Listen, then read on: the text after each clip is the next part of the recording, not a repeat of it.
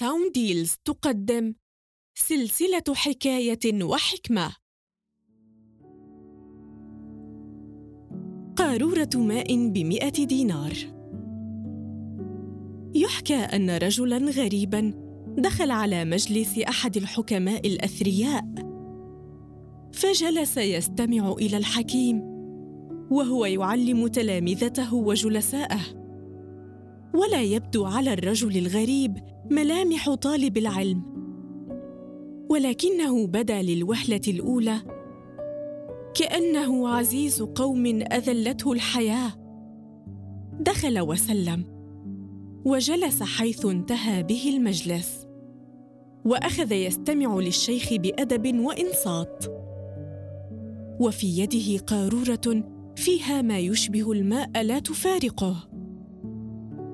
قطع الشيخ العالم الحكيم حديثه والتفت إلى الرجل الغريب وتفرس في وجهه ثم سأله ألك حاجة نقضيها لك؟ أم لك سؤال فنجيبك؟ فقال الضيف الغريب لا هذا ولا ذاك وإنما أنا تاجر. سمعت عن علمك وخلقك ومروءتك فجئت أبيعك هذه القارورة التي أقسمت ألا أبيعها إلا لمن يقدر قيمتها. وأنت دون ريب حقيق بها وجدير.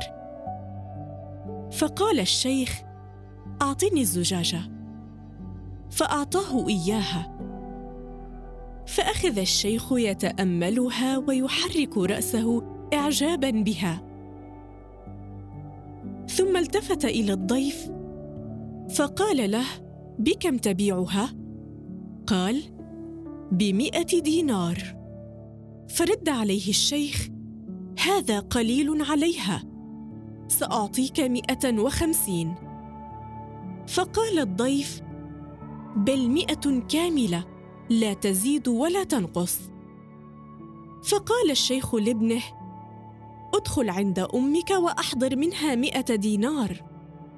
وفعلا استلم الضيف المبلغ ومضى في حال سبيله حامدا شاكرا. ثم انفض المجلس وخرج الحاضرون. وجميعهم متعجبون من هذا الماء الذي اشتراه شيخهم بمئة دينار. دخل الشيخ إلى مخدعه للنوم. ولكن الفضول دعا ولده إلى فحص القارورة ومعرفة ما فيها. حتى تأكد بما لا يترك للشك مجالا أنه ماء عادي. فدخل إلى والده مسرعا مندهشا صارخا. يا حكيم الحكماء لقد خدعك الغريب. فوالله ما زاد على أن باعك ماء عاديا بمئة دينار. ولا أدري أأعجب من دهائه وخبثه أم من طيبتك وتسرعك؟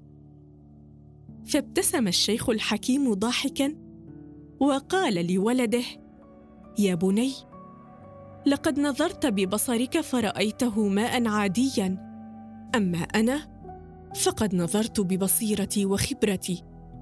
فرأيت الرجل جاء يحمل في القارورة ماء وجهه الذي أبت عليه عزة نفسه أن يريقه أمام الحاضرين بالتذلل والسؤال. وكانت له حاجة إلى مبلغ يقضي به حاجته لا يريد أكثر منه. والحمد لله الذي وفقني لإجابته وفهم مراده وحفظ ماء وجهه أمام الحاضرين. ولو أقسمت ألف مرة أن ما دفعته له فيه لقليل لما حنثت في يميني. هذه المادة من إنتاج منصة ساوند ديلز للتعليق الصوتي والمحتوى الرقمي.